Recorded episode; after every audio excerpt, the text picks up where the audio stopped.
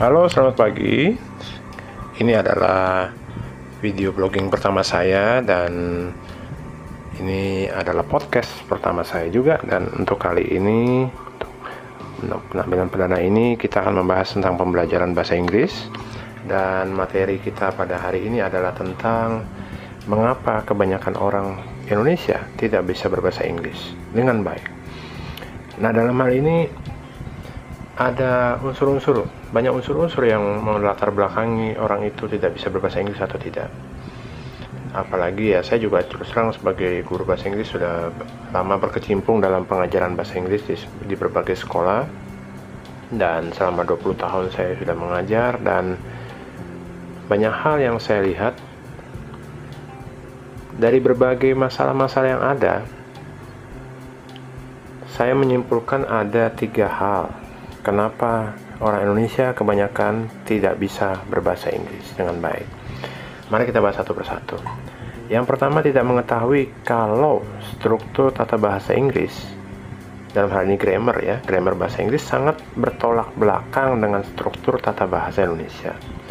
Ya, seperti contoh misalnya mobil merah misalnya.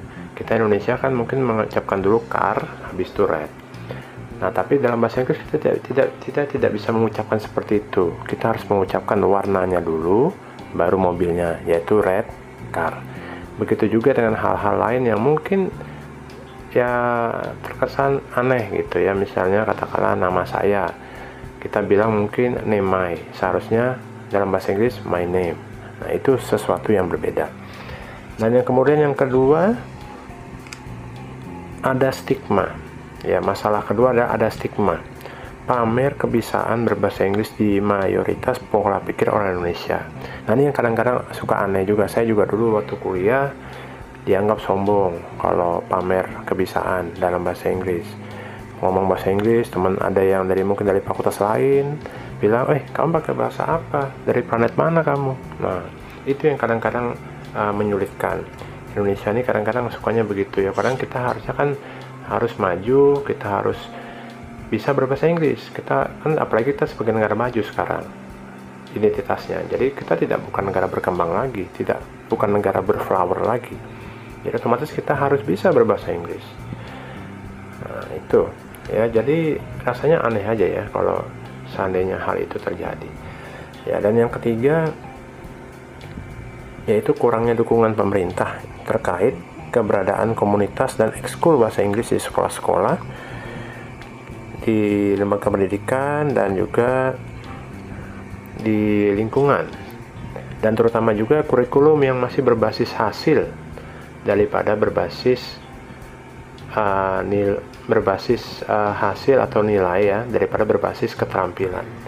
Nah dalam hal ini memang kadang-kadang di sekolah juga saya kadang-kadang kaget yaitu uh, ada murid saya beberapa yang mengatakan di SMA nih ya dalam hal ini di SMA yang mengatakan peminatnya dalam English Club ya English Club ekskul English Club di sekolahnya kurang. Dan ada juga yang sekolah lain malah tidak ada sama sekali English Clubnya karena peminatnya sudah tidak ada sama sekali jadi terpaksa ditiadakan. Itu kadang-kadang menjadi miris juga saya mendengarnya. Belum lagi masalah uh, kurikulumnya tadi itu ya. Nah, jadi cuma berbasis hasil nilai dan ulangannya cuma multi uh, pilihan ganda multiple choice dan dan apa istilahnya tuh? Hanya pilihan ganda saja dan pengajaran gurunya pun ya saya tidak menyalahkan juga ya para para guru. Tapi kebanyakan memang guru-gurunya mengajarkan mungkin karena materinya cuma reading saja membaca jadi ya kurang lah. Jadi itu tuntutan juga kadang-kadang. Jadi agak susah juga mengucapkannya. Nah oleh karena itu ya kiranya mungkin bisa ada perubahan ya dalam hal ini perubahan uh, dari pihak pemerintah juga ya. Terutama ya masalah kurikulum mudahan Bapak Nadiem Makarim bisa merubah sehingga bisa menjadi lebih baik lagi ke depan ramah anak kurikulumnya ramah anak dan juga bisa berbasis keterampilan juga. Bukan hanya sekedar nilai saja yang bagus tapi keterampilan juga bagus. Oke mungkin itu saja untuk perdana ya supaya tidak terlalu panjang juga. Dan uh, untuk lebih jelasnya mungkin anda semua bisa bisa membaca artikelnya di akun saya Kompasiana. Linknya akan di, saya cantumkan di bawah di caption di bawah di bawah video ini. Dan kiranya anda bisa mengklik sehingga anda bisa membaca uh, tulisan saya secara lengkap di akun Kompasiana. Demikian uh, sekedar sharing dari saya kiranya bermanfaat. Selamat pagi